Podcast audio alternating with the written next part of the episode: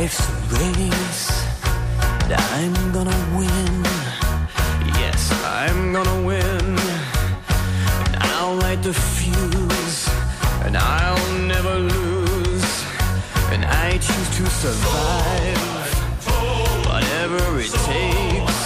Anem ara cap a Londres i és que als Jocs Olímpics l'equip espanyol de natació sincronitzada ha guanyat la medalla de bronze, després que en la rutina lliure d'aquesta tarda li han donat una puntuació de 96,920 i ha acabat amb un total de 193,120. Aquests jocs els queda un sospir, com aquell que diu, eh? S'acaben aquest diumenge i, sens dubte, l'estrella, si més no dels últims dies, ha estat l'atleta jamaicà Usain Bolt. La delegació espanyola encara té algunes medalles en joc i de tot això tenim ganes de parlar-ne ara amb l'Òscar Fernández, company de la redacció d'Esports, que fa una colla de dies que és a Londres i que no perd ni un sol detall d'aquests jocs. Òscar, bona tarda. Hola, Anna, bona tarda. Estic contenta i trista al mateix temps, perquè és l'últim dia que parlarem estant tu a Londres i jo aquí, eh? Bueno, però escolta, en parlarem més sovint, no? Sí, i ens veurem i aquestes coses. Ah, però dic, home, sem- clar, recuperarem el contacte visual, que sempre va bé. Home, Sí. no estiguis trista, dona, no estiguis trista, estigues Però, contenta. sí, no, també, ja et dic que són com les dues coses al mateix temps. Escolta'm, està sent un bon dia, no?, avui, a per la delegació espanyola als Jocs? Sí, perquè en piragüisme els tres que els tres eh, eh, piragüistes que, que tenien avui la semifinal s'han classificat tots tres per la final. Un d'ells és el català, el lleidatà Saúl Cravioto, que demà disputarà la final del K1 200 metres. K1 vol dir que és una embarcació amb només un eh, tripulant, que és el Saúl, i 200 és els 200 metres que farà. Ella va fer or en el K2, quan hi havia dos, i per tant el 2008 en una altra categoria, i ara espera repetir l'or. I després, com deies, aquest bronze de l'equip espanyol de sincronitzada, que sempre estan en aquesta lluita amb les xineses per aconseguir plata o bronze, eh? Sempre Mm. l'or és per les russes, això és Això, indiscutible. això no, no ho discuteix ningú, no? No, no, fins i tot les nedadores de Natarré reconeixen que estan un pas per davant, les Però què russes. tenen les russes que no tinguem nosaltres?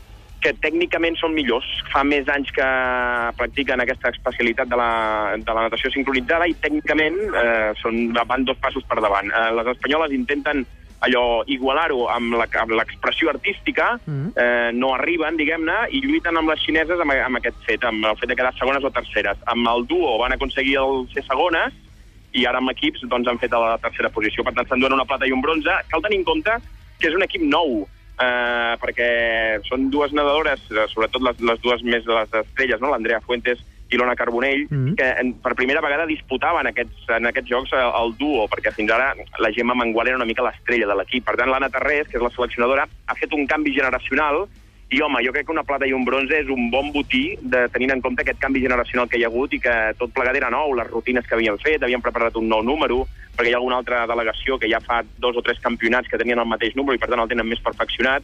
Jo crec que estan molt satisfetes amb aquesta, amb aquesta plata i aquest bronze. Una plata, un bronze i uns quants cabells menys. Ah, Sí, sí, sí. És una imatge que va- ens ha sorprès moltíssim, eh? Perquè dius, però, però a veure, aquests barrets, o no sé com es diu tècnicament, no, Ah. no diu que els hi han fet a mida? Eh, home, però si tens molt cabell... Clar, però eh, aleshores qui ha pres la mida? Saps què vull dir? El cabell ja hi Ja. era quan van prendre la mida. Però tot això és una mica de màrqueting, Anna. És que Ja. s'ha d'explicar que se tot, eh? d'explicar De tot, debò, tens eh? S'ha d'explicar tot, eh? eh? Tot aquest màrqueting fa... eh, Tot, tot plegat és per influir en els jutges en això que et deien, l'expressió artística. Si el teu banyador és més maco que el de les rivals, si la teva expressió, la teva cara quan surts de l'aigua, si el, teu maquillatge i tot això és millor que el de les teves rivals, doncs això et fa guanyar dècimes, Mhm. diguem-ne. I llavors, el fet de tenir aquests casquets especials, eh, una mena de banyador també diferent, eh, doncs tot això era per intentar esgarrapar alguna dècima més, tenint en compte que, sobretot amb les russes i potser també amb les xineses, amb el tema tècnic anaven una mica per darrere i volien allò, doncs això, esgarrapar en l'artístic el que amb la tècnica no podien aconseguir. Escolta'm, repassem medaller. Quantes medalles eh, té a hores d'ara la, la delegació espanyola i quantes serien catalanes, diguem-ne? Ostres, ara m'agafaràs, perquè eh, primer primer t'explico. Estic sortint del metro eh, Mhm. i, ar i arribant al North Greenwich Arena, que és on d'aquí a 25 minuts juga la selecció espanyola de bàsquet. Si no m'he descomptat, la delegació espanyola té 12 medalles amb aquesta d'avui, que és l'última que han aconseguit. Eh? Estic parlant de memòria. D'aquestes, de catalanes, hi ha les, les dues de la sincronitzada, eh, les dues de la natació, eh, amb la Mireia Mm. Belmonte, Sí. la del waterpolo femení la podríem considerar, perquè no en són totes, però la immensa majoria eh, ho són. Nou, tant, ja no? Em sembla que cinc. eren gairebé nou. Sí, són nou, són nou, exacte, del waterpolo femení. Eh, serien cinc, i ara no sé si me'n deixo alguna. Eh, diria que no. Però... Taekwondo però masculí, pot ser? Ah, sí, en el taekwondo, sí, sí, el Joel, eh, el Joel González de Figueres, sí, sí, uh, disculpes, eh? No, i ara? No, no, medalles, però és que si tant, estàs sortint del metro i estàs caminant i a sobre et fem aquesta mena de preguntes, Clar. és que aquí és on es demostra que l'Òscar Fernández és un crac. Demano un aplaudiment per sí, ell. pots comptar, pots Sí, comptar. no? Escolta, les coses com siguin. Les coses com siguin. 6 de 12 és el 50%, eh, no està gens malament. Encara en queden algunes d'opcions, eh? El Saúl Cravioto demà té opció d'aconseguir medalla també. Eh, clar, i després hi ha aquests esports, per exemple, el bàsquet, home, no és ben bé catalana, però clar, hi ha fins a 6 jugadors catalans, no? En Joan Mm. Carles Navarro, el Víctor Sada, els germans Gasol, Rudi Fernández, Sergi Llull... Home, és mig catalana, podríem dir, si aconsegueixen medalla, que això s'ho jugaran avui, jugant contra Rússia a la semifinal. Si guanyen avui ja tenen garantida la plata i veurem si aconseguirien l'or, tot i que això és més que difícil, tenint en compte que davant segurament hi haurà els americans a l'NBA, però veurem què passaria. Els jocs encara no s'han acabat, s'acabaran aquest diumenge, però jo no sé si ja podem dir que el gran protagonista, el gran nom propi, és el d'Usain Bolt, o potser és que fa dies que no parlem de Michael Phelps i això fa Clar. que ens n'oblidem. Eh, és difícil d'establir un, un gran protagonista. Jo crec que tots dos, a Pequín ja va passar, eh? Mm. eh tots dos eh, comparteixen una mica el protagonisme. Depèn de qui te caigui més bé o quin esport t'agradi més, triaràs l'un o triaràs l'altre. És veritat que individualment, i si mirem només aquests jocs, potser Phelps no ha estat a veure, eh, això que diré ara és molt discutible, eh? però no ha estat allò al 100% d'efectivitat, perquè algunes proves no ha aconseguit medalla. Clar, d'algú que ha aconseguit les medalles que ha aconseguit dir que no ha estat al 100% és molt discutible. Però en tot cas ha entrat a la història. 22 medalles, ha passat a ser l'esportista de tota la història que més medalles ha guanyat. Quin és el problema? Que la natació és la primera setmana i l'atletisme la segona. Per tant, no coincideixen Bolt i Phelps. Per tant, podríem dir que de la primera setmana Michael Phelps ha estat el gran protagonista i de la segona ho està sent Usain Bolt perquè de la manera com està guanyant, de moment dos ors, i podria fer el tercer amb el 4% de Jamaica, després del que vam veure ja al 200, jo crec que té més de mitja medalla també a la butxaca. A més, clar, el primer atleta que aconsegueix guanyar l'or en el 100, en el 100 i en els 200 en dos jocs consecutius, perquè ja ho va fer a Pequín i aquí ho ha tornat a fer, Mhm. home, tots dos han entrat a la història, tots dos han fet una cosa que no s'havia vist mai, es fa difícil triar-ne un o triar-ne l'altre. Podem dir que són els jocs de Phelps i Bolt, no? Però Sí. ja vam dir el mateix a Pequín. I ves que Eh, no en fi. diguem el mateix a Rio, això no pot ser.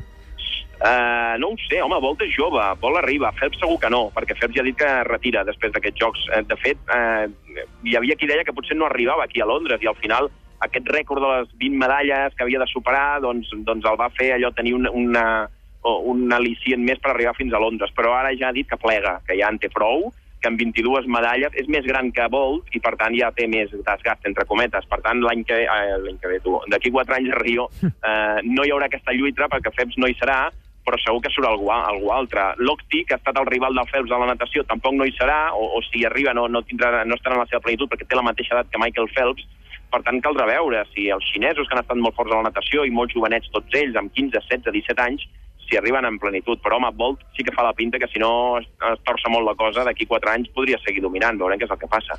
Escolta'm, Òscar, i amb l'Àlex Fàbregas què, què passarà? Perquè aquesta potser sí que és la nota negativa no, de- d'aquests jocs. Avui ens despertàvem amb aquestes declaracions de Pablo Llorenç, exdirectiu del Real Club de Polo, que voldria expulsar Àlex Fàbregas del, del club per les seves declaracions. Bé, també hem de dir que el senyor Llorenç era directiu de la Federació Espanyola de Tenis en ple franquisme, per tant, també diguem-ne que cada cosa s'ha de posar dins del seu context, no? Mhm. eh, en el tema Àlex Fàbregas, eh, a mi no deixa de sorprendre l'embolic que s'ha creat, perquè l'Àlex Fàbregas és un esportista, els que el seguim de fa temps, eh, que mai s'ha amagat.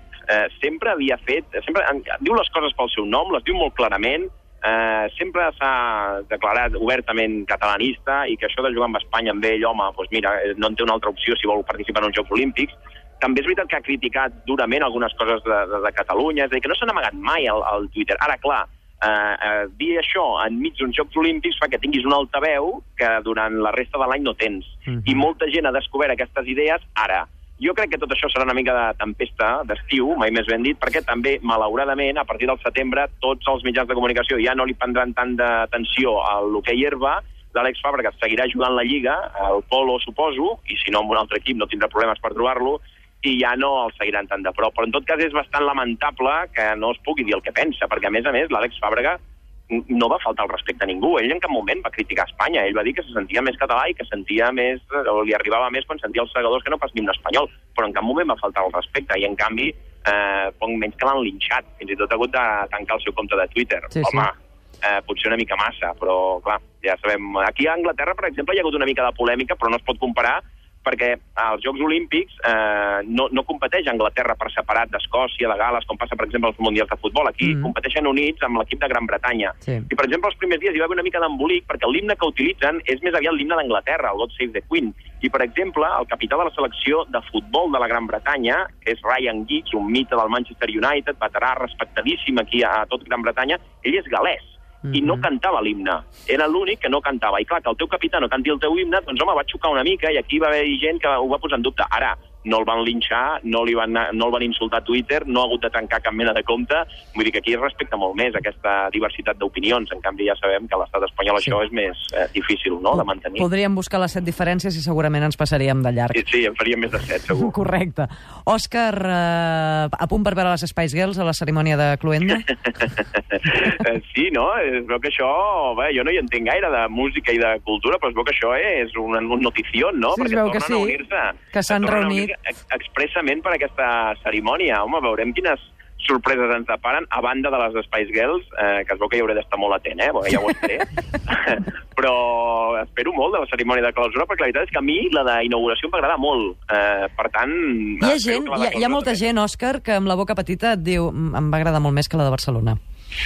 Clar, jo també, també som molt, molt donats a comparar, no? Home, Sí. de Barcelona han passat 20 anys. Eh, clar, ara hi ha una sèrie d'elements de tecnologia que llavors no hi eren. Per tant, ara pots fer algunes coses que segurament fa 20 anys no, no es podien fer. És molt injust comparar una cosa amb una altra, i més quan han passat 20 anys. Cadascú fa la millor cerimònia possible. La de Barcelona, en el seu moment, va ser una referència mundial, i la de Londres segurament ara ho és, però comparar coses que han passat 20 anys em semblaria injust, no? No, no crec que s'hagi de dir quina va ser millor que l'altra. Totes dues van estar molt bé, totes dues van complir amb, amb escreix el seu objectiu, per tant, escolta'm, sentim-nos satisfet del que va fer Barcelona el 92 i del que he pogut veure ara a Londres. Tampoc no cal comparar tant. Sàvies paraules, com sempre, les de l'Òscar Fernández, enviat Pilota. especial de... Sí, home, enviat... Què em portaràs de Londres, per ser?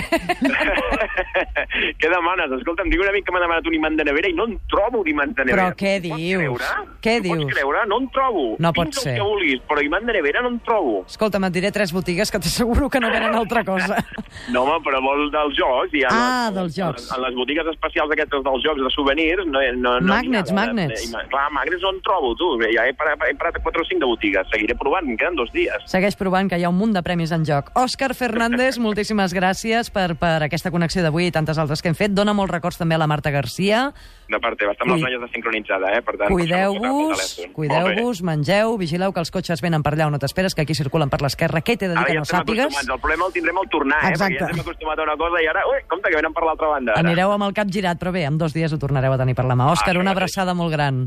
Adéu, bona tarda. Adéu, bona tarda.